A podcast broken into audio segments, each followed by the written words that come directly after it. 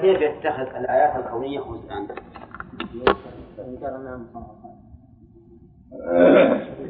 لا يعني جلها جزء سخرية ما فائدة هذه هذه الآيات لماذا وضعت؟ مثلا لو نزل المطر لو نزل في أيام الصيف اللي ما جرت العادة بأن ينزل به المطر فيه المطر وكان يسأل قال وش هذا؟ وش هذا التدبير؟ نعم. وش هذا التدبير؟ يوم الناس محتاجين إلا المطر بشتى ما جاء والآن يأتي. مثلا هذا يمكن يوجد. يوجد من بعض الفجرة يقولون مثل هذه الأشياء. أو مثل يغلب قوم قوميون من العرب تغلبهم اليهود. مثلا يقول ما هذا؟ شو هذا؟ يكون النصر لليهود على العرب. على بني كنعان وعدنان وقحطان. كيف هذا؟ وذول بني إسرائيل. نعم وما أشبه ذلك. هذا من من السخرية والاستهزاء بقضاء الله وقدره سواء كان من فعله الذي لا لا صنع للآدم فيه ولا علاقة للإنسان فيه أو من الأشياء اللي للإنسان فيه علاقة. ولكن المؤمن يستسلم لأمر الله عز وجل الكوني كما يستسلم لأمره الشرعي. ويرى أنه في غاية الحكمة وفي غاية الإتقان وأنه في مكانه وأن وأن من غلب من العرب أو غير العرب فإن الحكمة تقتضي أن يكون مغلوبا أن يكون كذلك لأن الله عز وجل حكيم ما يصنع شيئا إلا لحكمة فالمهم أن الاستهزاء بالآيات الكونية ممكن أن يكون يمكن أن يكون وقد نهى الله تعالى أن نتخذ هذه الآيات جزءا سواء كانت الآيات كونية أو شرعية. لكن بما أن الآية في سياق الآيات الشرعية تكون أخص بالآيات الشرعية منها في الآيات الكونية. قال ولا تتخذوا آيات الله جزءا واذكروا نعمة الله عليكم. اذكروا. بماذا؟ باللسان بالقلب بالجوارح بالجميع. بالجميع. اذكروا نعمة الله عليكم حتى تقوموا بشكرها فإن الغفلة عن ذكر النعم سبب لعدم الشكر. تذكرها باللسان بأن تثني على الله بها. تقول أنعم الله علي بكذا وأما بنعمة ربك فحدث. تثني على الله عز وجل بها تقول اللهم لك الحمد على ما أنعمت علي به من كذا وكذا من المال أو الزوجة أو الأولاد أو ما أشبه ذلك. وقوله نعمة الله مفرد مضاف. والمفرد المضاف يدل على العموم من صيغ العموم. كما في قوله تعالى وإن تعدوا نعمة الله لا تحصوها. لو كان المراد بالنعمة مدلولها الإفرادي لكان إحصاؤها ممكنا؟ لأنها؟ ولا لها عدد. مختلفين أهل أهل اللغة هل الواحد عدد ولا غير عدد؟ المهم أن نعمة الله هنا عامة. نعم لا تحصى أجناسها فضلا عن انفرادها فقول نعمة الله عليكم يشمل كل النعم وإن دقت. لأن الله عز وجل يقول وما بكم من نعمة فمن الله. واعلم أن النعمة خير والنعمة شر. لأن معنى النعمة التنعم والترف. قال الله تعالى فأخرجناهم من جنات وعيون وزروع ومقام كريم. ونعمة كانوا فيها فاكهين. كذلك أورثناها قوما آخرين. وقال تعالى وذرني والمكذبين أولي النعمة. ومهلهم قليلا أما النعمة فهي من الله عز وجل وهي خير وإحسان. فالإنسان واجب عليه أن يذكر نعمة الله عز وجل بالثناء عليه بها في اللسان. والقيام بحقها في الأركان واعتقاد أنها من عند الله تفضلا وإحسانا بالجنان بالقلب حتى يكون بذلك متبرئا من حوله وقوته. لأن النعمة كلها من الرب عز وجل. قال و وما أنزل عليكم من الكتاب والحكمة يعظكم به. وما أنزل. الواو حرف عطف وما اسم موصول مبني على السكون في محل نصب عطفا على إيش؟ على الله ولا على نعمة؟ ها؟ على نعمة يعني واذكروا ما أنزل عليكم من الكتاب والحكمة يعظكم به والعطف هنا من باب عطف الخاص على العام. لأن ما أنزل الله علينا من الكتاب والحكمة ها من النعم. بل هو من أكبر النعم. اليوم أكملت لكم دينكم وأتممت عليكم نعمتي. لقد من الله على المؤمنين إذ بعث فيهم رسولا من أنفسهم يتلو عليهم آياته ويزكيهم ويعلمهم الكتاب والحكمة. لماذا عطفت؟ على النعم وهي عامة. لأن عطف الخاص على العام يدل على أهميته وعلو شأنه. ولهذا أفرد من العموم تنصيصا عليه. وذلك لأن دلالة العموم على جميع أفراده دلالة قطعية ولا ظنية؟ دلالة ظنية. بالكم لهذه القاعدة دلالة العام على جميع أفراده دلالة ظنية لأن العام أحيانا يراد به الخصوص وأحيانا يكون عاما مخصوصا. والفرق بينهما ظاهر. الفرق بين العام المخصوص والعام المراد به الخصوص. الفرق بينهما ظاهر ولا غير ظاهر؟ غير ظاهر. أحسن هكذا طالب العلم. إذا ما ظهر له هو ظاهر. الفرق بين العام المخصوص هو أن اللفظ يكون عاما يراد به جميع أفراده ثم يخرج منه بعض الأفراد. مثل إن الإنسان لفي خسر إلا الذين آمنوا وعملوا الصالحات. الإنسان هذه نقول فيها عام مخصوص. كذا؟ والذين آمنوا المحصنات ثم لم يأتوا بأربعة شهداء فاجلدوهم ثمانية جلدة ولا تقبلوا لهم شهادة أبدا. وأولئك هم الفاسقون. هذا عام. أولى لكنه مخصوص بالزوج إذا قذف زوجته فإن له حكما خاصا والذين يرمون أزواجهم ولم يكن لهم شهداء إلا أنفسهم فشهادة أحدهم أربع شهادات لله. وإنما مثلنا بذلك مع مع المثال الأول لأجل أن نمثل بالتخصيص المتصل والتخصيص المنفصل. وإذا معلوم ولا غير معلوم؟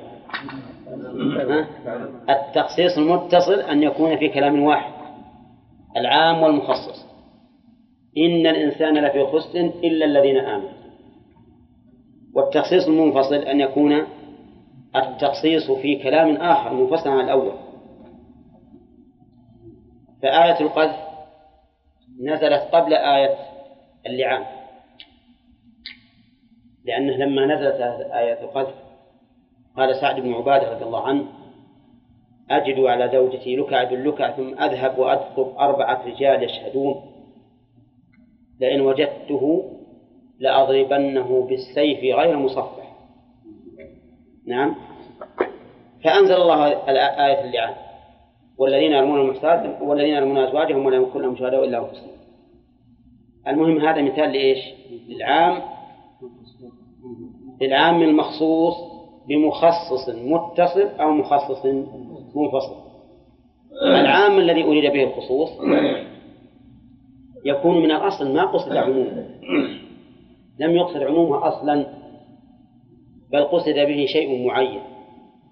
مثل قوله تعالى الذين قال لهم الناس إن الناس قد جمعوا لكم. هل المراد جميع الناس؟ شو عبد الرحمن؟ لا لا الناس ليس أولا قال لهم الناس ما قال إلا واحد. القائل واحد. ثانيا إن الناس قد جمعوا لكم. من؟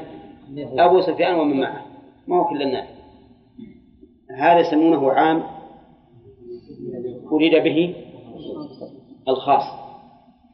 تبين لكم الآن أن العام لا يدل على جميع أفراده دلالة قطعية بل دلالته ظنية. بدليل أنه قد يخصص أو أنه قد يراد به من الأصل الخصوص. فإذا ذكر فرد من الأفراد كان دلالة العموم على هذا الفرد دلالة قطعية ولا ظنية؟ ذكر فرد من أفراد العموم. قطعية بارك الله فيكم اذكروا نعمة الله عليكم وما أنزل عليكم. هل هو داخل في النعمة ولا لا؟ قطعا داخل في العموم. ولهذا خصص تنزل الملائكة والروح فيها. ها؟ الآن نعلم علم اليقين إن إن جبريل الروح داخل في الملائكة بلا شك. نعم؟ لكن إسرافيل وميكائيل وما أشبه ذلك. ها؟ نقول نعم العموم يدل على دخولهم. لكن ما نقطع قطعا بدخولهم لكن إذا ذكر الفرد من أفراد العموم قطعنا بدخوله. ثم نقول هل هو بعد ذكره داخل في العموم؟ أو التنصيص عليه مخرج له عن العموم؟ يا أسرع ما تجيبوا ما عن فهم ولا عن غير فهم. ها؟ هل هل تخصيصه بالذكر يخرجه من العموم؟ أو نقول هو داخل في العموم وذكر بخصوصه لتعلية شأنه ويكون حينئذ مذكورا مرتين. مجازنا الأول. هذا أيضا في خلاف بين العلماء منهم من يقول إن التنصيص عليه دليل على أنه لم يرد في العموم. فكأنه قال واذكروا نعمة الله عليكم وهو يريد غير غير ما أنزل عليه من الكتاب والحكمة ثم قال وما أنزل عليكم من الكتاب والحكمة. وعلل هؤلاء قولهم بأن العطف يقتضي المغايرة. ولكن الصحيح أنه داخل في العموم وأن التنصيص عليه تعلية لشأنه كأنه ذكر مرتين. وأن المغايرة قد حصلت في العطف لأن عطفنا خاصا على عام. وهذا نوع من المغايرة. والمغايرة كما تكون في الذات تكون في الوصف كما هو معروف كما في قول سبح اسم ربك الأعلى الذي خلق فسوى والذي قدر فهدى والذي أخرج المرعى من الذي قدر فهدى والذي أخرج المرعى؟ لا لا العطف يقتضي المغايرة. ما؟ طيب وش وش بالقاعدة هذه؟ العطف يقتضي المغايرة وش تسوي؟ مغايرة صفات نعم هنا التغاير بالأوصاف ولا لا؟ ولا شك أن صفات الله عز وجل كل واحدة غير الأخرى الذي خلق فسوى هو الذي قدر فهدى وهو الذي أخرج المرعى لكن هذه صفة وهذه صفة إذا فما أنزل الله علينا من الكتاب والحكمة لا شك أنه ذكر أنه من نعمة الله وأنه يجب علينا أن نذكر ذلك ولكن كيف نذكره؟ نجي إلى الناس نقول يا جماعة ترى أنزل علينا كتاب وحكمة ها؟ لا اذكروه بقلوبكم وطبقوا ما فيه من التوجيهات فعلا أو تركا بجوارحكم. وهذا هو ذكر القرآن. كيف يكون ذاكرا للقرآن من لم يعمل به؟ أين ذكره القرآن؟ فاذكروها بقلوبكم معترفين لله تعالى بالفضل. معترفين لله بالفضل بإنزالها ثم اعتقدوا ما دلت عليه من العقائد ونفذوا ما تقتضيه من الأوامر والنواهي مفهوم لا؟ وقوله وما أنزل عليكم من الكتاب المراد به الكتاب المراد بالكتاب القرآن وهو فعال بمعنى مفعول مثل فراش بمعنى مفروش وبناء ها؟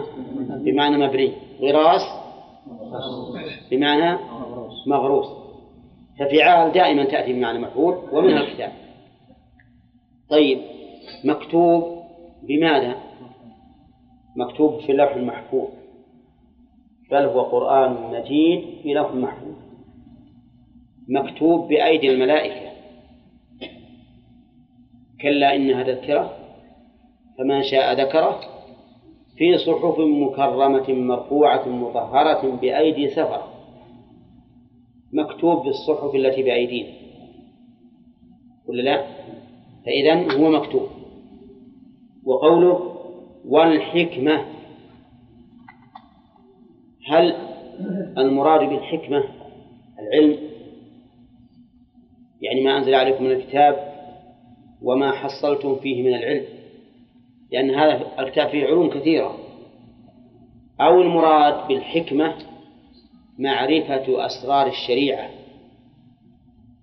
فإن الله تعالى أنزل الحكمة لنا في القرآن وما أكثر الأحكام المعللة في كتاب الله عز وجل.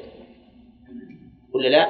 وقد بينا كثيرا بأنها بأن التعليل المقرون بالأحكام الشرعية يفيد أي شيء؟ يفيد ثلاث فوائد. نعم. نشوف. أولا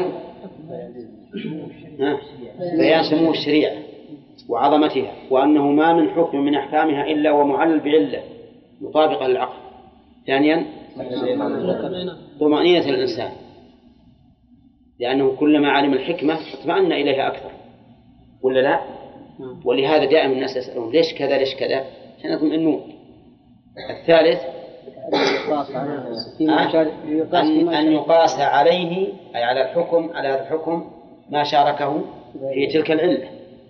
هذه ثلاثة ونطلب من الأخ عبد الرحمن بن داود أن يأتي بالرابع. إما من كيسه ولا من قلبه؟ ها؟ ما في. ما في. طيب.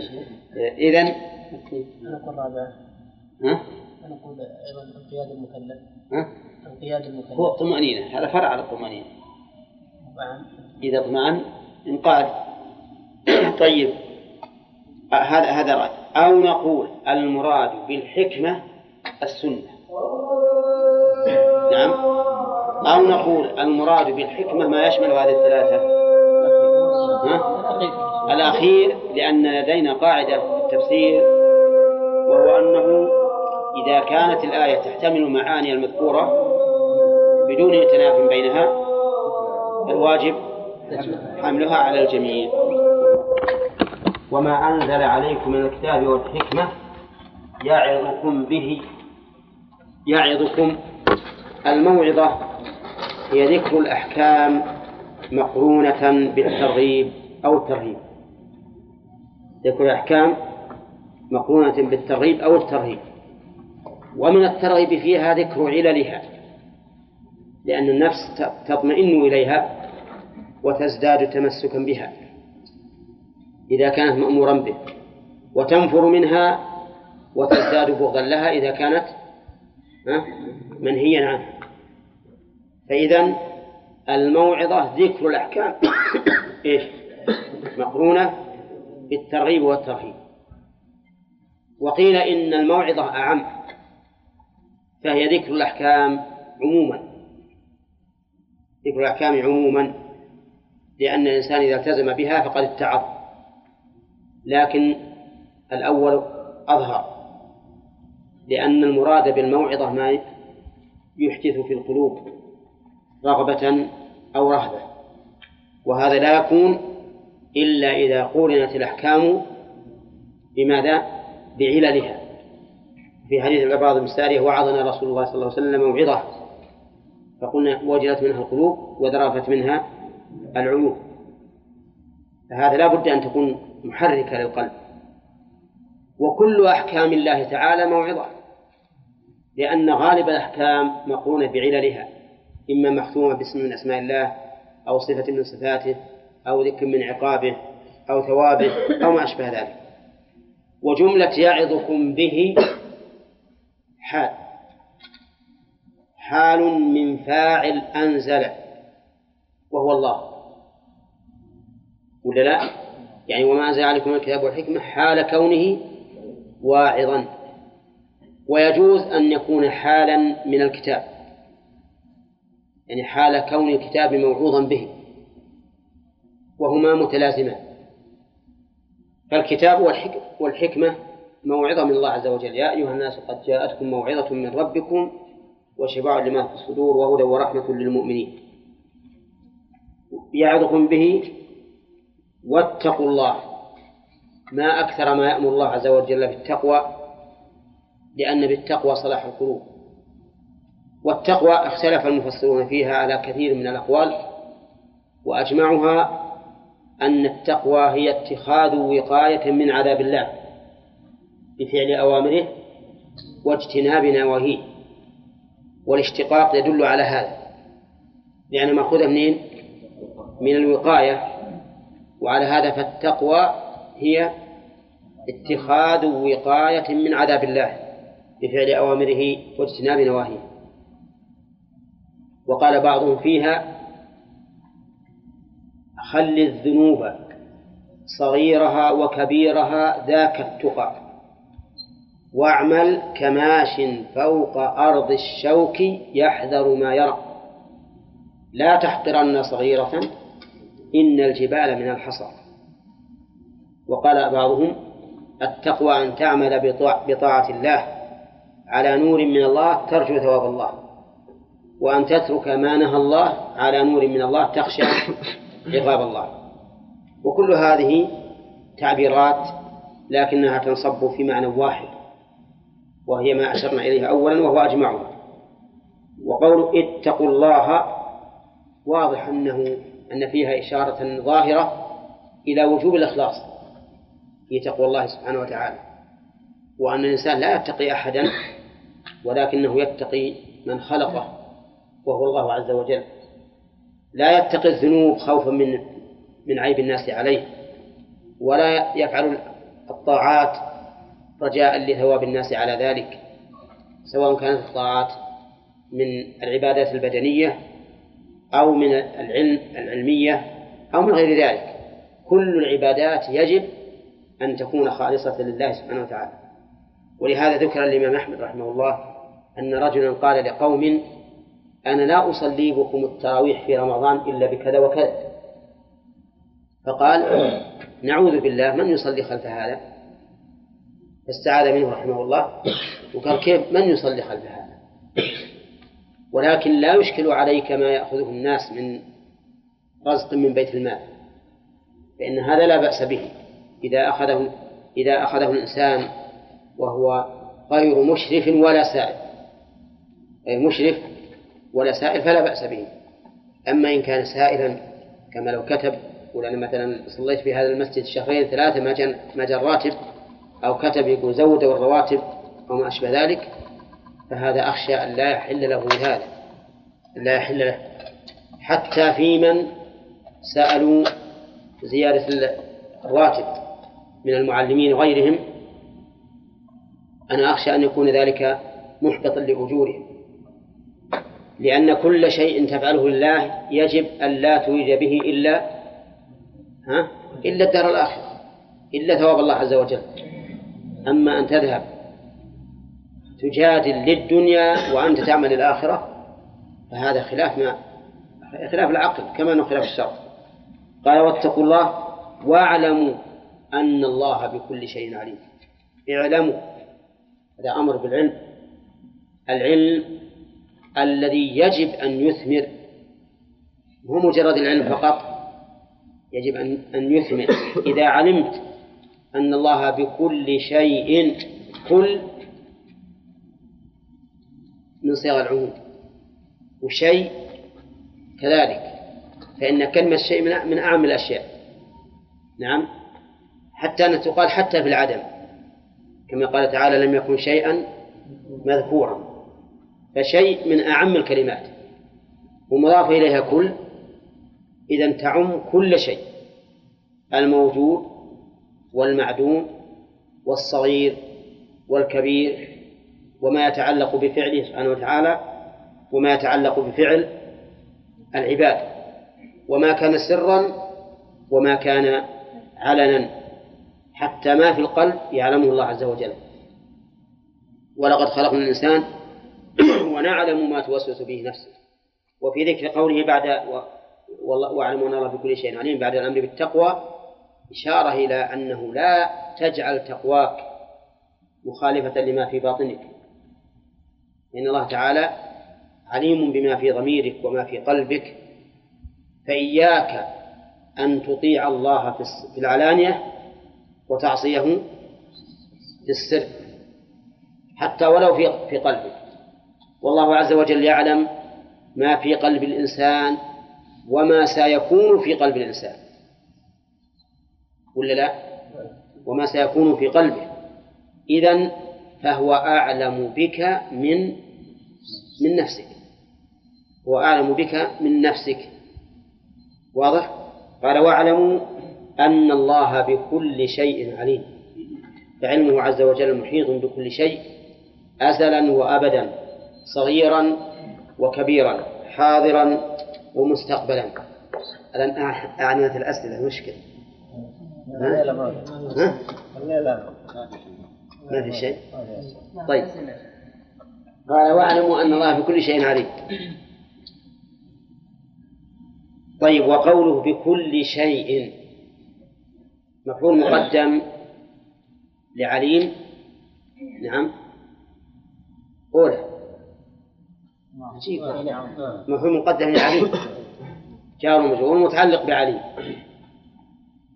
فهل نقول إن إن هنا من فائدة تقديم الحصر ها؟ كيف ما في؟ وش الفائدة من التقديم إذن؟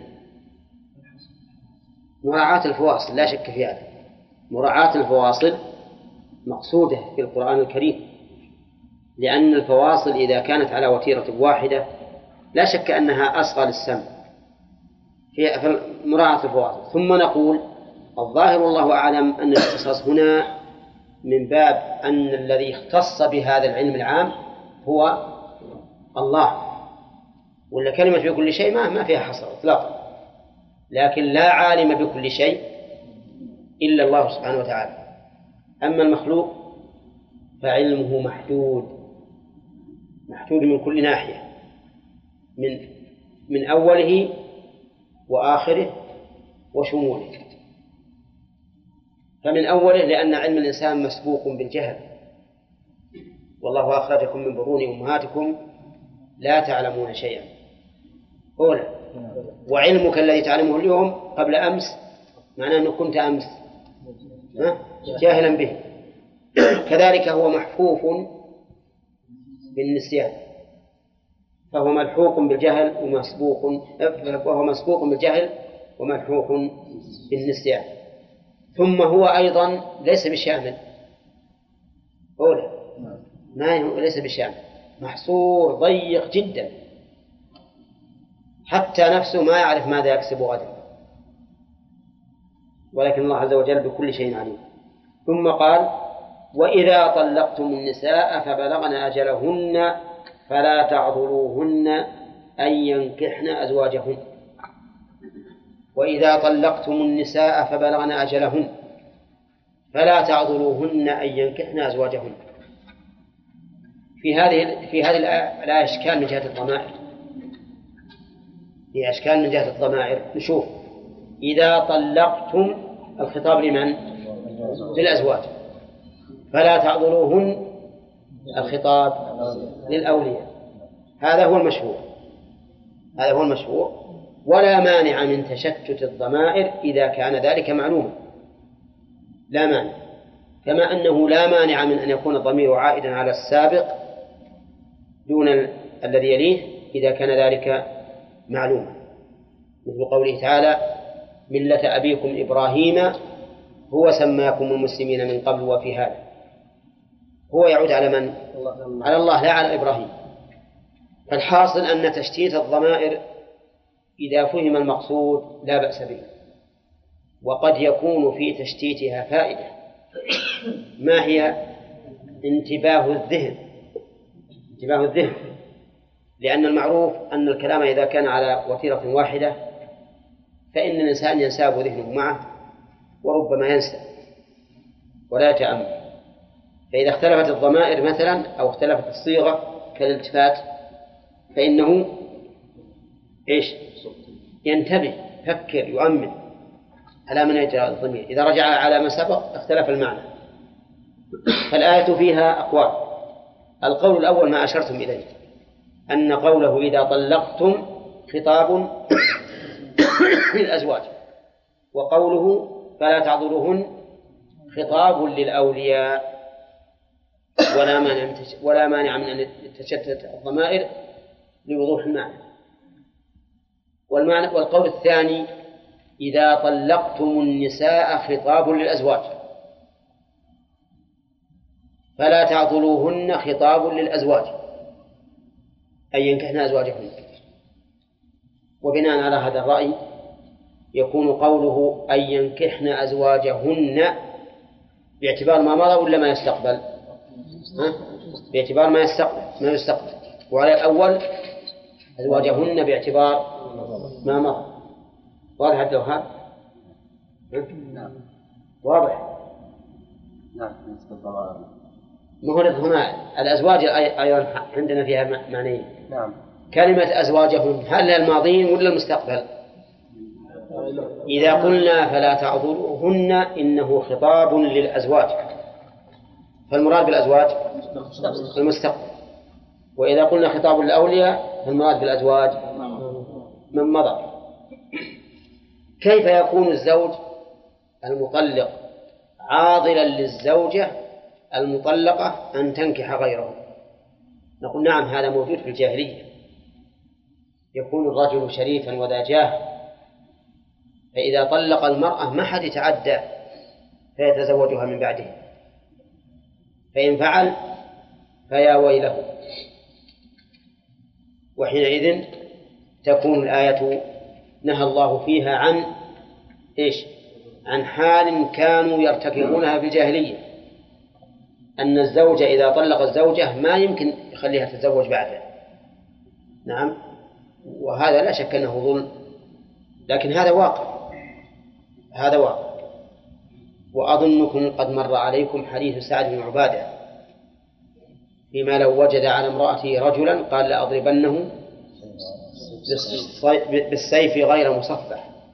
فقال الرسول صلى الله عليه وسلم ألا تعجبون من غيرة السعد؟ والله إني لأغير من سعد والله أغير مني. فأخبره أصحابه بأنه كان ذا غيرة. سعد بن عبادة حتى إنه إذا طلق الرجل إذا طلق المرأة لا يتزوجها أحد من بعده. لكنه رضي الله عنه مو بيمنع الناس. على كل حال إن هذا أمر موجود في الجاهلية. فنهى الله عنه.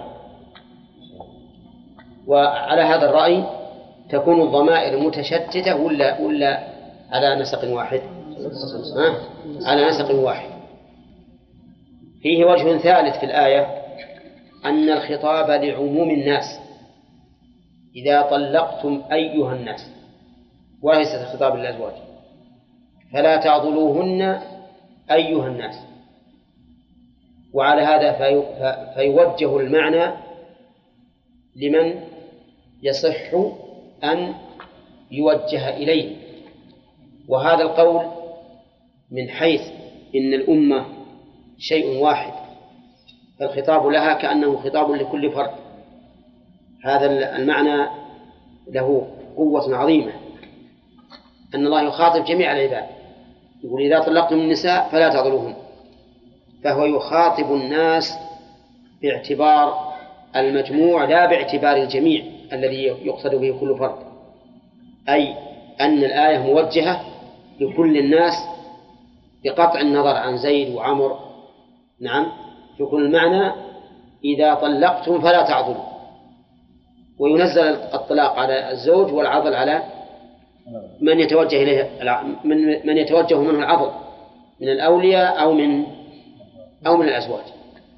وهذا المعنى له قوته. وعلى كل حال فنرجع إلى الآية. إذا طلقتم النساء ما هو الطلاق؟ ها؟ في اللغة حل القيد. أطلقت الناقة وطلقتها فككت قيدها. وفي الشرع حل قيد النكاح أو بعضه. حل بعضه في الرجعية. إذا طلقتم النساء فبلغن أجلهن. الأجل هنا تمام العدة بالاتفاق بخلاف الأجل في الآية التي قبلها. الأجل في الآية الذي قبلها بمعنى المقاربة على رأي كثير من أهل العلم أو بمعنى بلوغ الأجل قبل الاغتسال. لكن هنا فبلغن أجلهن أي أتممن عدتهن بالاتفاق. إذا بلغن أجلهن ف... ف... نعم فبلغن أجلهن فلا تعضلوهن ألف هنا رابطة للجواب. ليش رابطة للجواب؟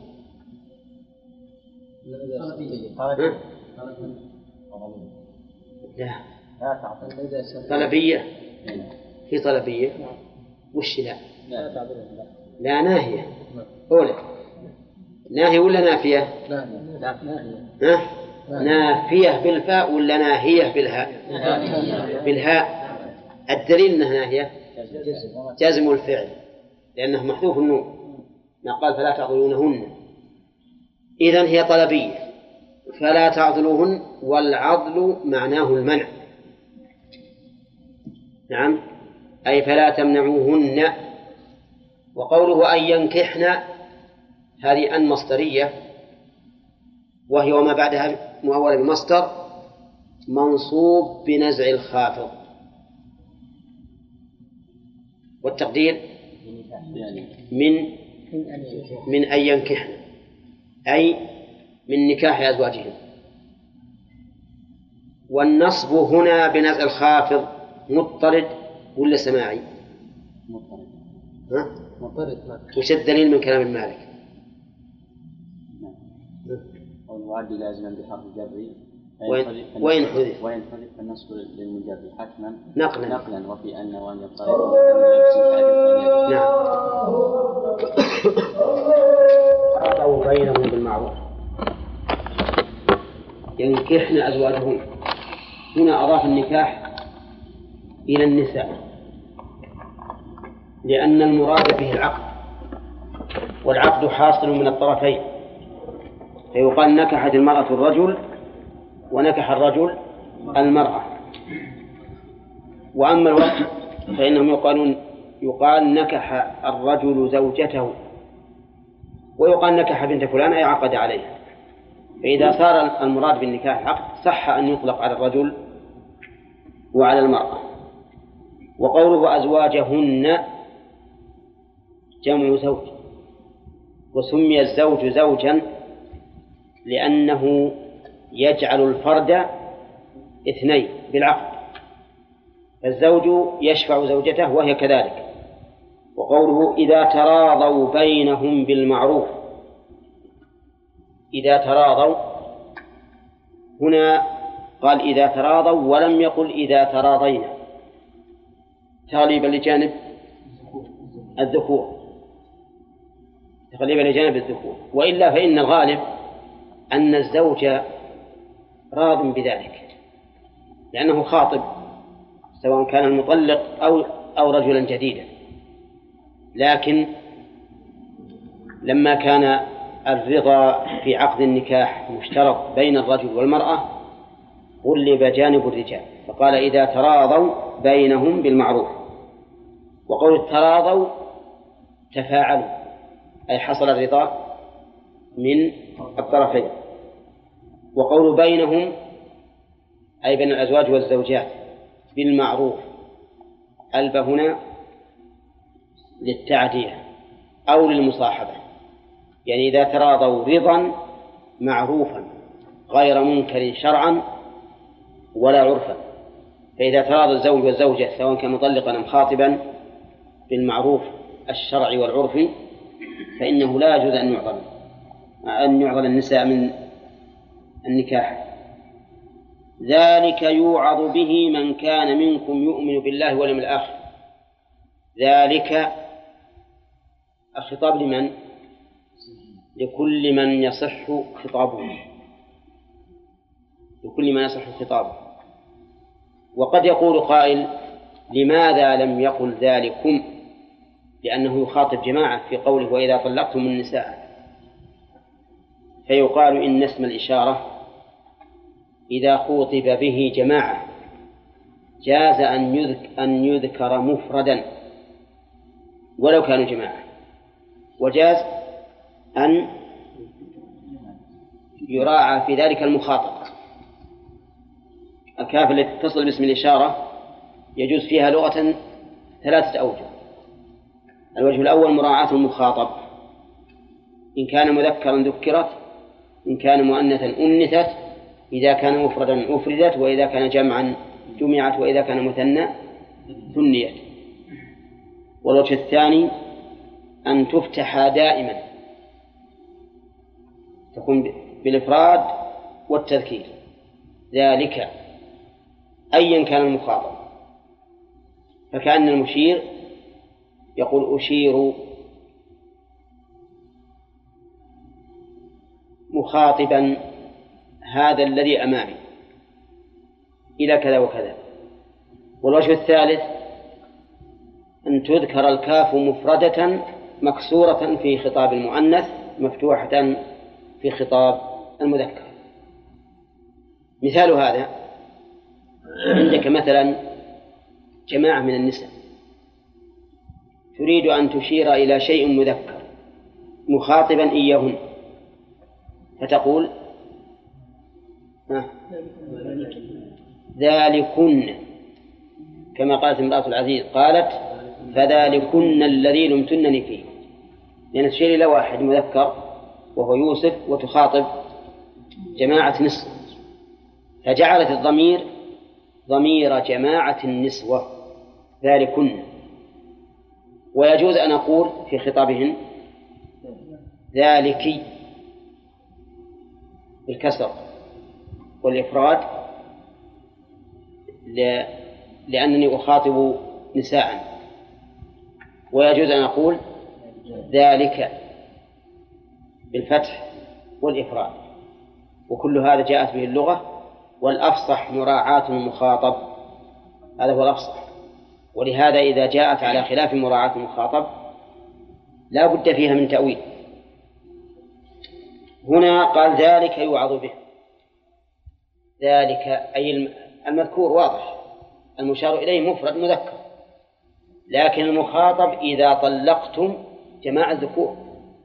فيقصد أن يقول إيش؟ ذلكم. كما جاء كذلك في سورة الطلاق. في قوله تعالى ذلكم يوعظ به من كان يؤمن بالله واليوم الآخر. ومن يتق الله يجعله مخرجا. وهنا جاءت بالإفراد. لأن كلا الوجهين صحيح. وقول يوعظ به من كان. الموعظة تقدم لنا أنها ذكر الأحكام مقرونة بترغيب في الأوامر وترهيب في النواهي. هذه الموعظة لأن الإنسان يتعظ بها.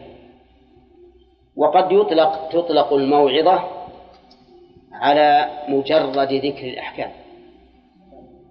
لما في الالتزام بها من الاتعاظ والذكرى. مثل قوله تعالى إن الله يأمركم أن تؤدوا الأمانات إلى أهلها وإذا حكمتم من الناس أن تحكموا العدل إن الله نعم ما يعظكم به إن الله كان سميعا بصيرا. على أن هذه الآية نعم ما يعظكم به تشير إلى إيش؟ نعم ما يعظكم به أي الأمر بأداء الأمانة. فالحاصل أن أن هذه أن هذا معنى الموعظة. ولا شيء أعظم موعظة من القرآن لمن كان له قلب أو ألقى السمع وهو شيء وأما من أعرض عنه ولم يرفع به رأسا فإنه لا ينتفع به بل يكون عليه مرضا. ولهذا هنا قيد من من كان يؤمن بالله واليوم الآخر. يوعظ به من كان منكم يؤمن بالله واليوم الآخر. وإنما خصه بمن كان يؤمن بالله واليوم الآخر لأنه هو الذي يتعظ وينتفع. يا أيها الناس قد جاءتكم موعظة من ربكم وشفاء لما في الصدور وهدى ورحمة للمؤمنين. فالمؤمنون هم الذين ينتفعون. وقوله يؤمن بالله لا بد من هذا كله. أما الإيمان باليوم الآخر فإن فإن المراد به الإيمان بأن هذا اليوم كائن لا محالة. وقد ذكر شيخ الإسلام في العقيدة الواسطية أنه يدخل في الإيمان باليوم الآخر كل ما أخبر به النبي صلى الله عليه وسلم مما يكون بعد الموت. وعلى هذا ففتنة القبر ونعيم القبر أو عذابه تدخل في الإيمان باليوم الآخر. ويقرن الله عز وجل دائما بين الإيمان بالله واليوم الآخر. لأن الإيمان باليوم الآخر أكبر ما يحث الإنسان على العمل.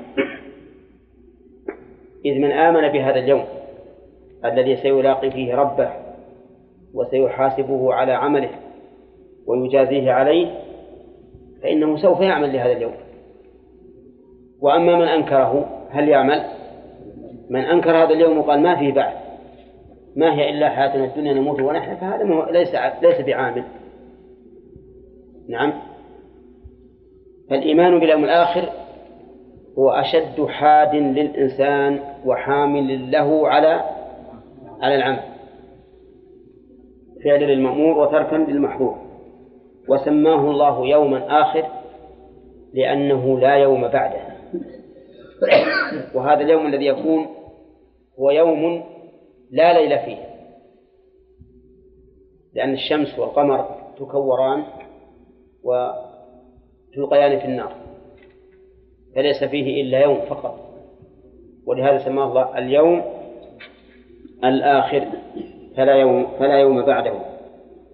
الإيمان باليوم الآخر قلت إن شيخ الإسلام ابن تيمية رحمه الله يقول إن الإيمان به يتضمن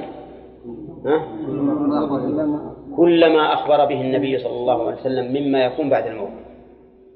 فيتضمن فتنة القبر وعذابه ونعيمه وقيام الناس حفاة عراة غرلا ويتضمن وضع الموازين ووزن الأعمال وأخذ الصحف والصراط ودنو الشمس من الناس والعرق والحوض والشفاعة. كل ما أخبر به الرسول عليه الصلاة والسلام من ذلك فإنه داخل بالإيمان باليوم الآخر. قال الله سبحانه وتعالى ذلكم أزكى لكم وأطهر. ذلكم الآن أتى بالخطاب مراعا فيه المخاطب. ذلكم أزكى لكم اسم تفضيل من الزكاء والزكاء في الأصل التنمية. ومنه الزكاة لأنها تنمي المال بإحلال البركة فيه وتنمي الأخلاق بخروج بخروج الإنسان من طائفة البخلاء إلى طائفة الكرماء فالزكاة في اللغة النمى. أزكى لكم من أين أحيا؟ أزكى لكم في أعمالكم ونموها وكثرتها لأنكم إذا اتعظتم بذلك أطعتم الله ورسوله. فزادت الأعمال. وزاد الإيمان أيضا. لأن الإيمان حتى الإيمان اللي في القلب يزداد بامتثال الأمر واجتناب النهي لله عز وجل. وقول ذلكم المشار إليه إيش؟ هل هي الموعظة أو ما ذكر من الأحكام؟ أو لازم الموعظة وهو الاتعاظ. يعني عندنا الآن أحكام. إذا طلقتم النساء فلا تضروهن وعندنا موعظة. وعندنا حكم. وعندنا اتعاظ. فعلى أي شيء تعود هذه الإشارة؟ هل المعنى ذلكم؟ أي عدم عضلكم أزكى لكم؟ أو المعنى ذلكم أي اتعاظكم بهذه الموعظة؟ أزكى لكم نعم. تشمل الجميع. يعني ذلكم المذكور من الأحكام والموعظة والاتعاظ. أزكى لكم كما قلت اسم تفضيل من الذكاء وهو النماء. وأطهر. أطهر منين؟ أطهر من الفحشاء. لأنك ربما إذا عضلتها من زوجها الذي عاد فخطبها وقد كان بينهما شيء من العلاقة من قبل ربما يوسوس لهما الشيطان فيحصل منهما ما يحصل من الفاحشة لأنه ما خطبها ولا رضيت به إلا وبينهما مودة ومحبة. فإذا عضلتموهن فربما يحصل ما يحصل من الفحشاء. ولهذا قال أطهر. وتأمل أن الله عز وجل يذكر فيما يتعلق بالفواحش من التنزه عنها يذكر أن ذلك أزكى لما فيه من العفة وطهارة القلب التي بها يزكو العمل والإيمان وينمو. ذلكم أزكى لكم وأطهر. أطهر منين؟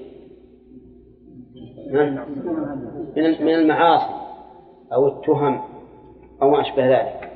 والله يعلم وأنتم لا تعلمون. الجملة هنا اسمية في إسناد الله العلم إلى نفسه وفي إسناد وفي نفي العلم عن عباده. قال والله يعلم هذه جملة اسمية مبتدأة بالاسم. وقوله يعلم حذف المفعول لإفادة العموم لأنه إذا حذف المفعول من الفعل المتعدي صار عاملا شاملا لكل ما يحتمله. وهو يعلم الحاضر والمستقبل والماضي وما يصلحكم وما لا يصلحكم وماذا تمتثلون ومن يمتثل منكم ومن لا يمتثل. المهم أنه عام.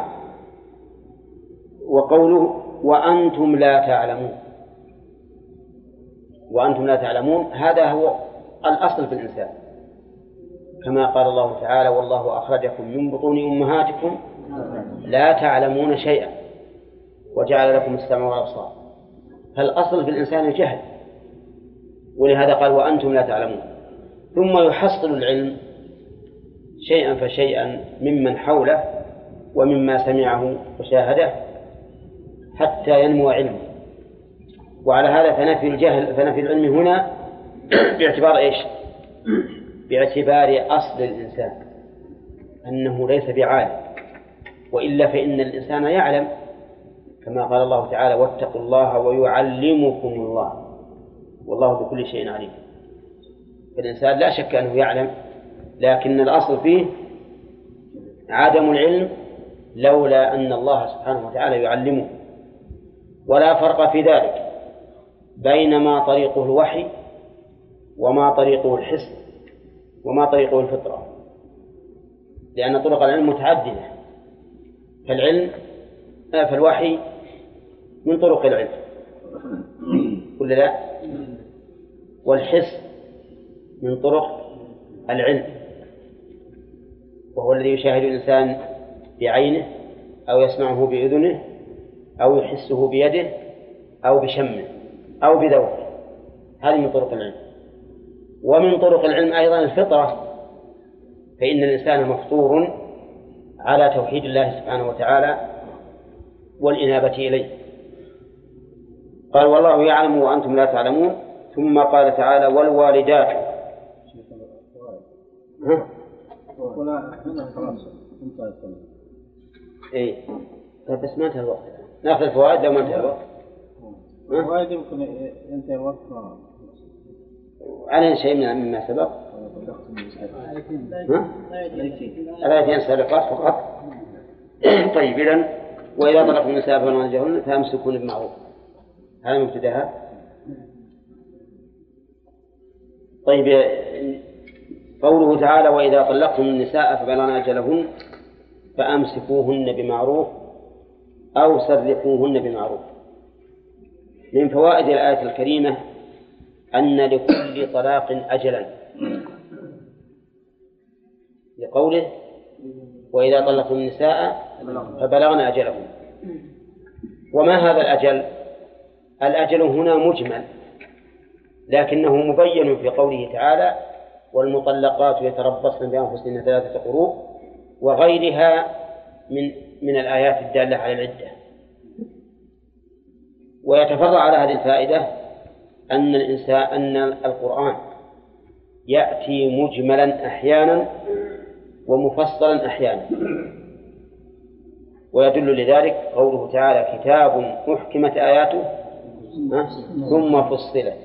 من لدن حكيم خبير وفائدة الإتيان بالإجمال ثم التفصيل فائدته أنه إذا ورد النص مجملا فإن النفس تتطلع إلى معرفة ذلك الإجمال وبيان ذلك المبهم فيكون ذلك أشد لها طلبا للعلم ولا لا؟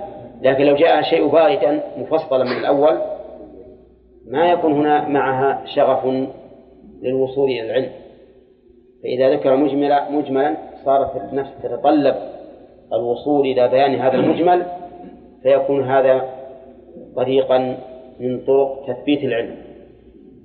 ومن فوائد الآية الكريمة جواز المراجعة بعد تمام العدة.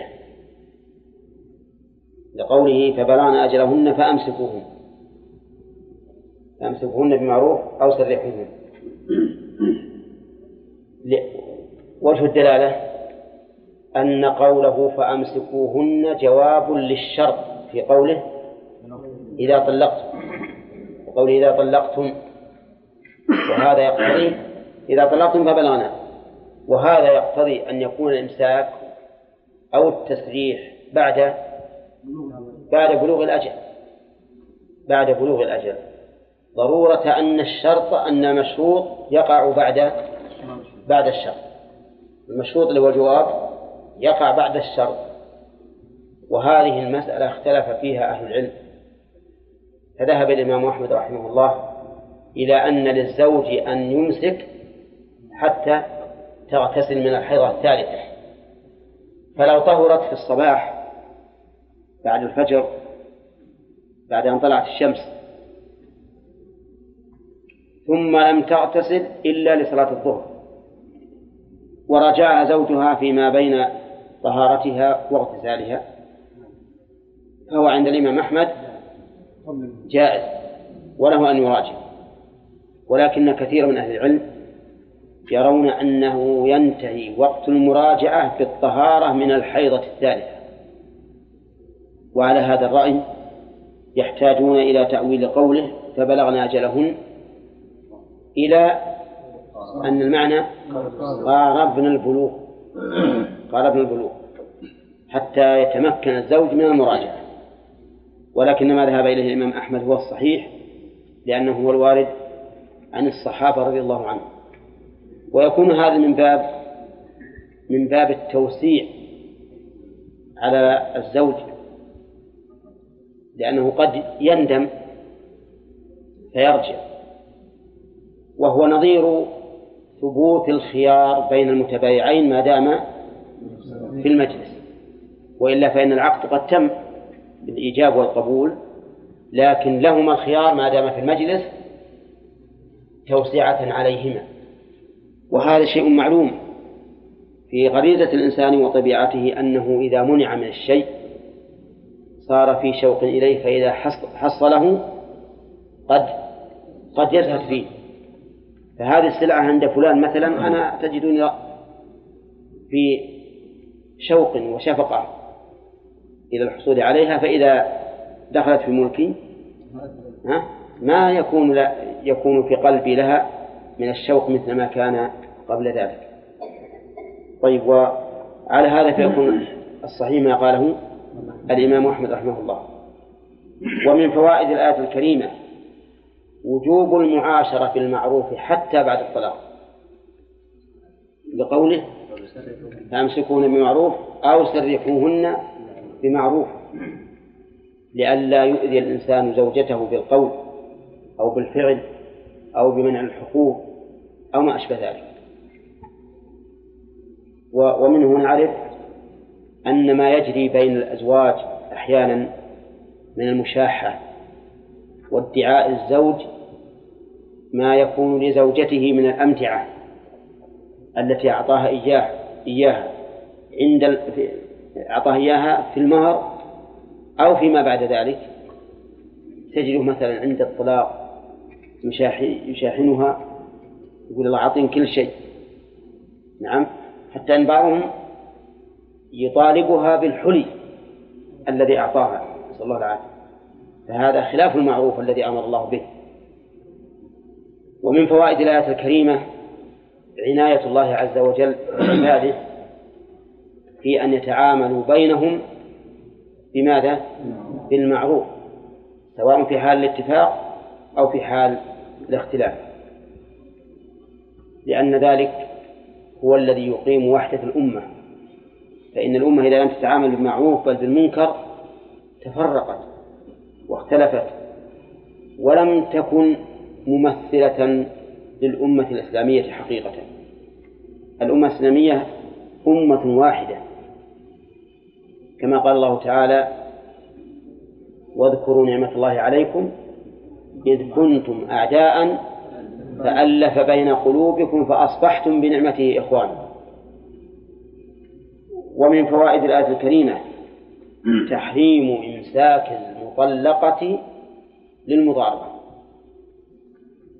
بقوله ولا تمسكوهن ضرارا. فهل يستفاد منه أن كل من عامل أخاه ضرارا فهو واقع في الإثم؟ نعم. قياسا على هذه المسألة. يستفاد من هذا بالقياس أنه لا يحل لأحد أن يعامل أخاه مسلم على وجه المضارة وقد جاء في الحديث عن النبي عليه الصلاة والسلام من ضار ضار الله به. ومن شاق شق الله عليه. وجاء في الحديث الآخر لا ضرر ولا ضرار. فالمضارة بين المسلمين محرمة. ولهذا قال ولا تمسكوهن ضرارا. ومن فوائد الآية الكريمة أن المضارة عدوان. لقوله لتعتدوا. سواء كانت اللام للعاقبة أو كانت اللام للتعليل. يعني سواء كان الإنسان قصد في المضارة الاعتداء أو لم يقصدها لكن هي نفسها عدوان. ومن فوائد الآية الكريمة أن النفس أمانة عند الإنسان يجب أن يرعاها حق رعايتها. لقوله ومن يفعل ذلك فقد ظلم نفسه. ومنها تحريم ظلم الإنسان نفسه. لأن الله نهى ثم قال من فعل ذلك فقد ظلم نفسه. ومن فوائدها أن فعل المعاصي ظلم للنفس. لا يقول الإنسان أنا حر بفعل وش عليكم؟ أنا صابر. على العذاب نقول لها خطأ. فأنت لا يحل لك أن تظلم نفسك. إذا كان الرسول عليه الصلاة والسلام قال ابدأ بنفسك في حصول المطلوب فكذلك في النجاة من المرهوب ابدأ بنفسك. كما أنك تعلم أن ظلم الغير عدوان وحرام فظلم نفسك أيضا عدوان وحرام طيب فقد ظلم ومن يفعل ذلك فقد ظلم نفسه. ومن فوائد الآية الكريمة التحذير البالغ من العدوان على الغير حيث قال فقد ظلم نفسه لأن الظالم لغيره قد يتصور في مخيلته أنه ظالم لهذا لهذا المعتدى عليه. وهو في الحقيقة ظالم لنفسه هل يمكن أن نأخذ منها أنه يجب على الإنسان أن يحب لأخيه ما يحب لنفسه ياسر ما شاء الله بالاستنباط ها؟ كيف ذلك؟ لأنه جعل ظلم الغير ظلما للنفس وعلى هذا فكما أنك لا تحب أن تظلم نفسك فيجب أن لا تظلم غيرك. كما أنك إذا إذا تبين لك أنك إذا في ظلم نفسك معتدي في ظلم غيرك معتد فأنت في ظلم نفسك كذلك معتدي ومن فوائد الآية الكريمة تحريم اتخاذ آيات الله هزوا بقوله ولا تتخذوا آيات الله هزوا ومنها أن المخالفة نوع من الهزء. وهذه مسألة خطيرة جدا. مخالفة أمر الله والوقوع في معصيته في فيما نهى عنه نوع من الهزء. كيف ذلك؟ لأنك إذا آمنت بأن الله عز وجل هو الرب العظيم الذي له الحكم وإليه الحكم ثم عصيته كأنك تستهزئ بهذه العظمة وتستهتر بها. لو أن ملك من الملوك ولله المثل الأعلى نهاك عن شيء. ثم إنك أمامه وفي عينيه تخالف هذا الأمر. ألا يمكن أن يقول لك أنت تستهزئ بي؟ ها؟ أنا أمرك تخالف أمامي؟ نعم. أو أنهاك تفعل ما, نهيتك عنه أمامي؟ فالمعصية نوع من الاستهزاء بالله عز وجل. وإن كانت ليست النوع الذي يخرج به الإنسان من من من الإسلام لأن النوع الذي يخرج به الإنسان من, من الإسلام في الاستهزاء أن يستهزئ حقيقة سخرية. نعم مثل أن يسخر بالأذان. يقول ليش الأذان؟ الأذان من قبل يوم الناس ما عندهم ساعات؟ أما الآذان أما الآن فلا ما حاجة للأذان هذا يعتبر تحصيل حاصل. ولا حاجة إليه. أو يسخر بالمؤذن كيف يقوم ويرفع صوته بهذا بهذا النداء. أو يسخر بالمصلين. هذا مخرج عن الملة. فالاستهزاء بحكم من أحكام الله غير مخالفة الحكم. مخالفة الحكم نوع من الاستهزاء كما أنها نوع من الشرك لكنها ما هي بالشرك ال- الذي يصطلح عليه. وليس الاستهزاء الذي يخرج من الملة إنما المخالفة. لا شك أنها نوع من الاستهزاء كما قال تعالى ولا تتخذوا آيات الله هزوا ومن فوائد الآية الكريمة وجوب ذكر نعمة الله. واذكروا نعمة الله عليك. وهل المراد ذكرها في نفسك؟ بأن تتذكرها وتفكر فيها وتؤمل فيها أو ذكرها أمام الناس بالقول أو ذكرها أمام الناس بالفعل. يشمل الجميع. لكن ذكرها أمام الناس سواء كان بالقول أو بالفعل يجب أن لا يكون على سبيل الافتخار عليهم. فإن كان على سبيل الافتخار عليهم فإن الله لا يحب كل مختال فخور. يجب أن يكون من باب إظهار فضل ذي الفضل وأن الله عز وجل أنعم عليك بهذه النعمة. كما لو كان إنسان إنسان قويا فأظهر نعمة الله عليه بالقوة بالشجاعة والمدافعة وإعانة الرجل في دابته وما أشبه ذلك. أو تحدث بنعمة الله. قال الحمد لله أنا في قوة وفي صحة وأعطاني الله تعالى مالا أعطاني ولدا وما أشبه ذلك على سبيل إظهار نعمة الله عز وجل. لا الافتخار على الخلق. فهذا داخل في الآية. واذكروا نعمة الله عليه ومن فوائد وأما ذكرها بالقلب فظاهر. يكون الإنسان دائما محتقرا لنفسه أمام نعم الله عالما بأنها محض منة من الله عز وجل. لا يكون كالذي قال إنما أوتيته على علم عنده بل يقول إن هذا يقولها بقلبه وكذلك يتحدث بها بلسانه بأن هذا محض فضل من الله سبحانه وتعالى. لأن الله تعالى لو شاء لسلبك هذه النعمة. كما أنه سلبها أناسا كثيرين تعرفهم أو لا تعرفهم. ومن فوائد الآية الكريمة أن منة الله علينا بإنزال الكتاب والحكمة أعظم من كل نعمة. من أين تؤخذ؟ من تخصيصها بعد التعميم لأن التخصيص بعد التعميم يدل على فضل مخصص وعلى هذا فما أنزل علينا من الكتاب والحكمة. أعظم منة من الله بها علينا وأعظم نعمة. وذكر نعمة الله بما أنزل علينا سبق لنا أن المراد أن تثني على الله بذلك وأن تقوم بتنفيذ ما أمرك به وما نهاك عنه.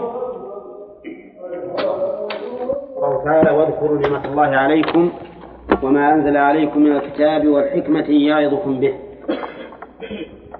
قلنا إنه يستفاد من الآية الكريمة أن ما أنزل علينا من الكتاب والحكمة أعظم من كل نعمة.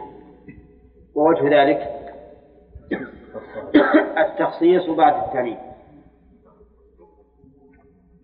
ومن فوائد الآية الكريمة أن القرآن كلام الله لقوله وما أنزل عليكم لأن ما أنزله الله إما أن يكون عينا قائمة بنفسها أو صفة عين أو صفة قائمة في عين في عين. ففي هذه الحال يكون مخلوقا. وأما إذا أطلق الإنزال وليس عين قائمة بنفسها ولا وصفا في عين قائمة بنفسها فهو من صفات الله. فهو من صفات الله عز وجل. مثال العين. قوله تعالى أنزل من السماء ماء. وأنزلنا الحديد فيه بأس شديد. مثال الوصف في عين قائمة هو الذي أنزل السكينة في قلوب المؤمنين. ليزدادوا إيمانا. فأنزل السكينة السكينة هذه صفة في في قلب المؤمن والمؤمن عين قائمة بنفسه فتكون هنا مخلوقة السكينة مخلوقة وكذلك الحديد والماء النازل من السماء مخلوق. أما هنا الكتاب فالكتاب كلام الله عز وجل والكلام صفة نعم في المتكلم. فإذا قال الله إنه أنزل على الكتاب علم أن هذا الكتاب من صفات الله عز وجل فيكون من كلامه. ومن فوائد الآية الكريمة أن شريعة الله عز وجل كلها حكمة. في قوله وأنزل الله عليك الكتاب وما أنزل عليكم من الكتاب والحكمة. ويتفرع على هذه الفائدة فائدة أخرى وهي أنه لا حاجة إلى أن نسأل عن الحكمة في تشريع بعض المشروعات التي نجهل حكمتها. لأن من الأشياء المشروعة ما لا نعلم حكمته. لو قال قائل ما الحكمة في كون الصلاة الظهر أربعا؟ لا ثمانيا ولا ستا. تقول مشرف؟ ما نعلم الحكمة. ما نعلم الحكمة. طيب وهل لها حكمة؟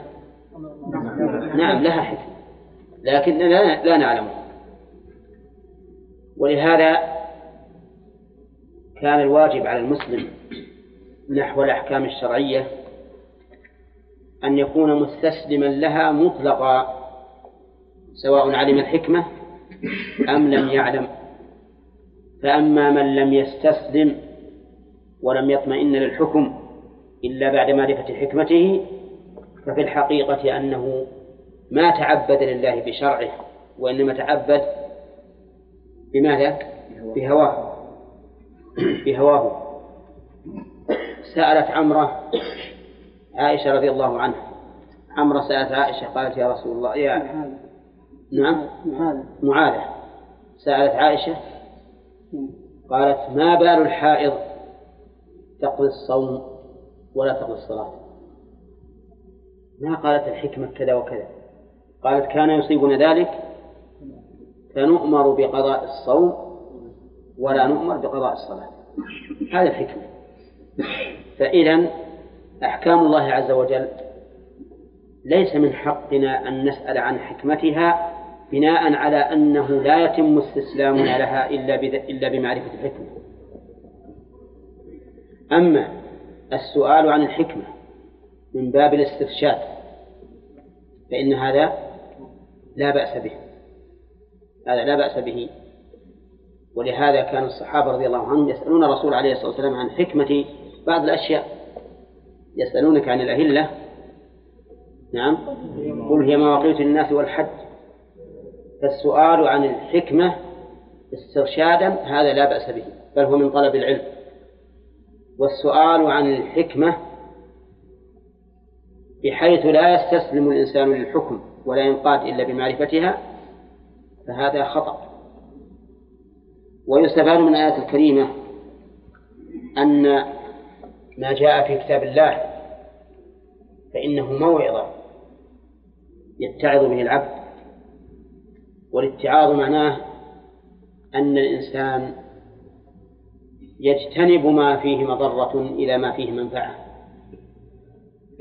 وعظته فاتعظ يعني انتفع.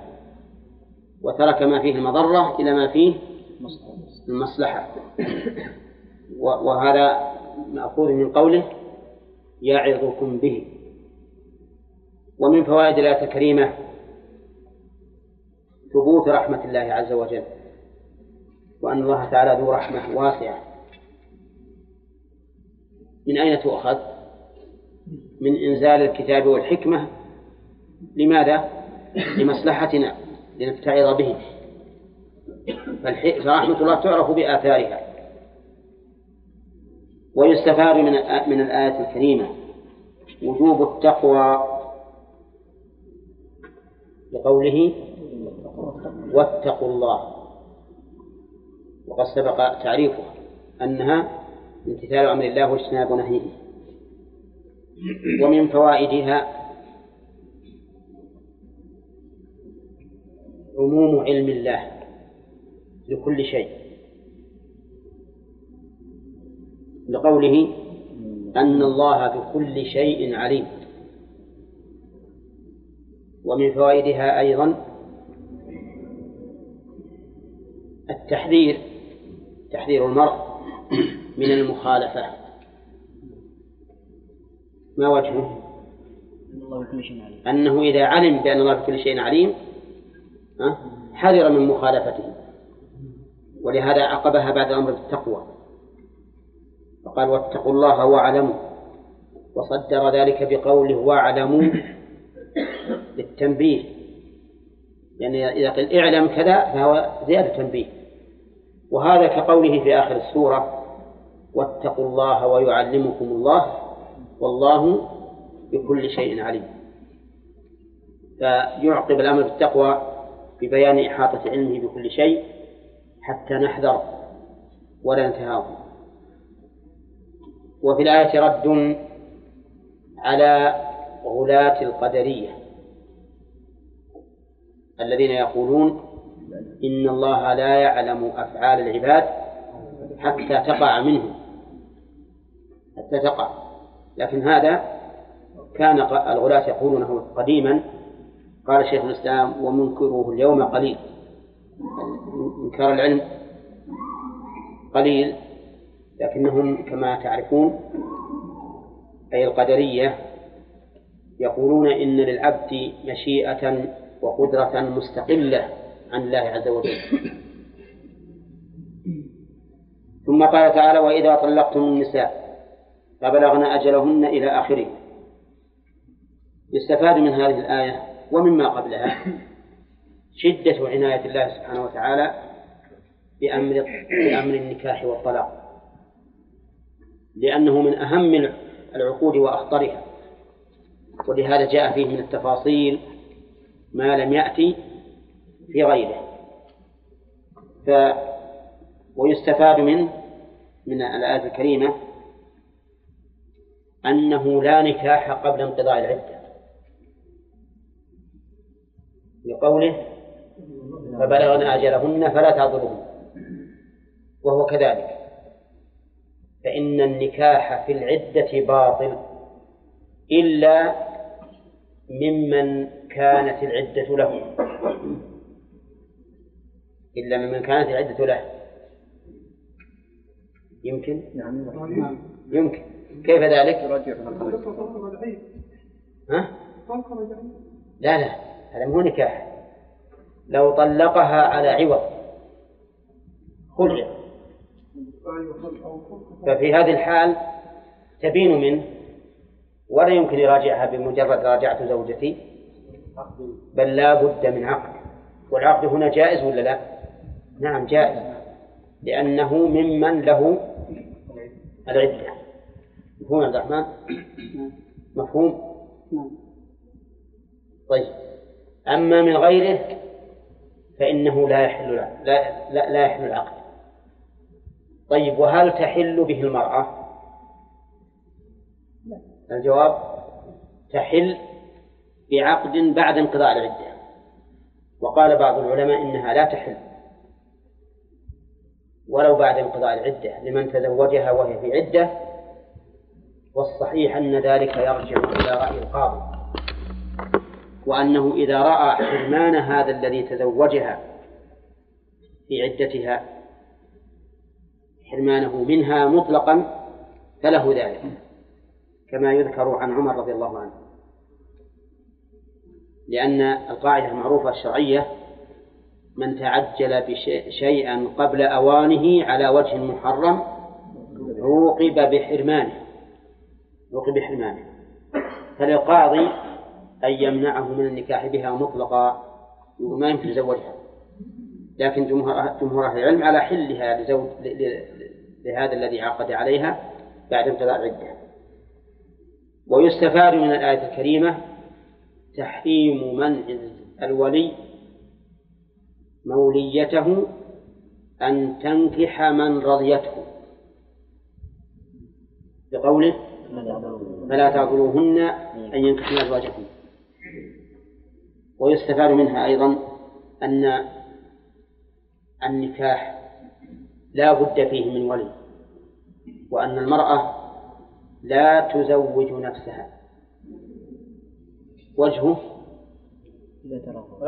أنه نعم وجهه من هذه من هذه الجملة أنه لو كانت تملك العقد لنفسها ما كان لعضل وليها تأثير. ما كان له تأثير.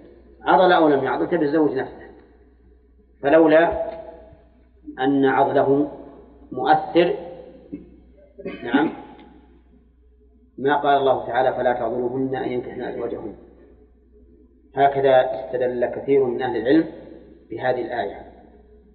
وربما ينازع منازع في دلالتها على ذلك. لأنه قد يقول إن الله نهى عن منعهن والإنسان قد يمنع بحسب العادة والعرف ابنته أو موليته من أن تنكح زوجا آخر وإن كان ذلك يمكنها أن تتزوج هي بنفسها لأنها لا تريد أن تخالفه مخافة المعرة واللوم من الناس. يقال منعها أبوها وراح تزوج نفسها. يعني بمعنى أن الآية ليست واضحة صريحة في أنه لا يمكن النكاح إلا بولي عرفتم؟ لأنه من الممكن أن أن يكون لها حق تزويج لأن يكون لها حق تزويج نفسها لكن يأتي أبوها ويقول إن زوجت نفسك قتلت قتلتك. ممكن. يكون عضلها مع أنه يمكن أن تزوج. كما لو قال لها إن بعت بيتك بيتك قتلتك مثلا. صار منعها أن تبيع البيت؟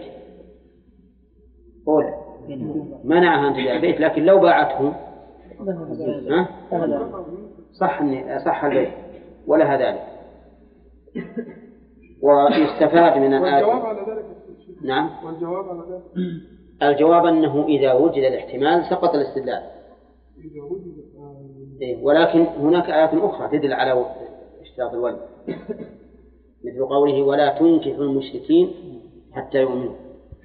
طيب ثم قال وفلا ينكح ما فيه أيضا من فوائد الآية إطلاق الشيء إطلاق الشيء على ما مضى أو ما يستقبل مع أنه في الحال لا يتصف به. قوله؟ أن ينكحن أزواجهن. لأنه إن كان المراد من طلقت ثم أراد زوجها أن يعود عليها فهن أزواجهن فهم أزواجهن باعتبار ما مضى. وإن كان المراد الخطاب فهن فهم أزواجهن باعتبار المستقبل. وقد جاء التعبير عن الماضي والمستقبل في القرآن. وآتوا اليتامى أموالهم. آتوا اليتامى أموالهم. ومع أنهم حين إتيان المال قد بلغوا. وزال عنهم وصف الوتر إني أراني أعصر خمرا. وهو لا لا يعصر الخمر لكنه يعصر عنبا يكون يكون خمرا. ومن فوائد الآية الكريمة أن اعتبار الرضا في العقد في النكاح سواء كان من الزوج أو من الزوجة. لقوله إذا تراضوا بينهم بالمعروف. والرضا شرط لصحة النكاح سواء كانت الزوجة صغيرة أو كبيرة وسواء كان المزوج أبا- أباها أم غيره على القول الراجح وأنه ليس للأب ولا لغيره أن يجبر المرأة المرأة على النكاح لعموم قول النبي صلى الله عليه وسلم لا تنكح الأيم حتى تستأمر ولا تنكح البكر حتى تستأذن. قالوا كيف إذنها يا رسول الله؟ قال أن تسكت. وفي صحيح مسلم البكر يستأذنها أبوها. وهذا صريح في أنه لا يحل لأحد أن يزوج ابنته وهي كارهة بل لا بد من رضاها. والمعنى يقتضيه أيضا. لأنه إذا كان الأب لا يملك أن يبيع حبة من مالها إلا برضاها فكيف يملك أن يبيع نفسه بدون رضاها لو أن الرجل أكره امرأة ابنته على أن تشتري هذا البيت وش حكم العقد؟ غير صحيح. مع أنه بإمكانها إذا اشترت البيت وهي كارهة أن تبيعه أن تبيعه بعد يوم أو يومين. فكيف يملك أن يكرهها على أن تتزوج برجل لا تريده؟ نعم الشريعة ما يمكن أن تأتي بإباحة هذه وتحريم البيت. هذا بعيد لأن نعلم أن الشريعة جاءت من لدن حكيم خبير جل وعلا. فالصواب بلا شك أنه لا يحل للإنسان أن يجبر ابنته البالغة على نكاح من لا تريد. مهما كان. لكن إذا أرادت إنسانا ليس مرضيا في دينه وخلقه فللولي أن وفي هذه الحال لو بقيت لم تتزوج طول عمرها فليس عليه شيء. لأنه مأمور بذلك. وما ترتب على المأمور فغير محظور. فإن قلت يرد على ما قلت تزويج أبي بكر عائشة بالنبي صلى الله عليه وسلم ولها ست سنين. وش تقول هذا؟ يقول هات زوجة مثل عائشة وزوجا مثل النبي عليه الصلاة والسلام ونحن نقول زوجها ولها سنتان. لكن أين هذا؟ هل يعقل أن عائشة تعارض لو بلغت عشرين سنة تعارض في زواجه من الرسول صلى الله عليه وسلم؟ ها؟ أبدا. بل لما خيرها بأمر الله. أول ما خي... من خير من هي نعم. وش قالت؟ قالت اختار الله ورسوله. لما قال شاوري أبويك خاف أنها عليه الصلاة والسلام خاف أن تستعجل. فتقول اخترت نفسي. قال قالت يا رسول الله أفي هذا أستأمر أبوي؟ وقصة معروفة. ها؟ يا أيها النبي قل لأزواجك إن كنتن تردن الحياة الدنيا وزينتها فتعالي أمتعكن وأسرحكن سراحا جميلا. أعطيكم متاع أعطيكن متاعا وأسرحكن سراحا جميلا بقول لين لطيف نعم. وفي أمان الله. وإن كنتن تردن الله ورسوله والدار الآخرة فهذا إحسان عظيم. فإن الله أعد للمحسنات منكن أجرا عظيما.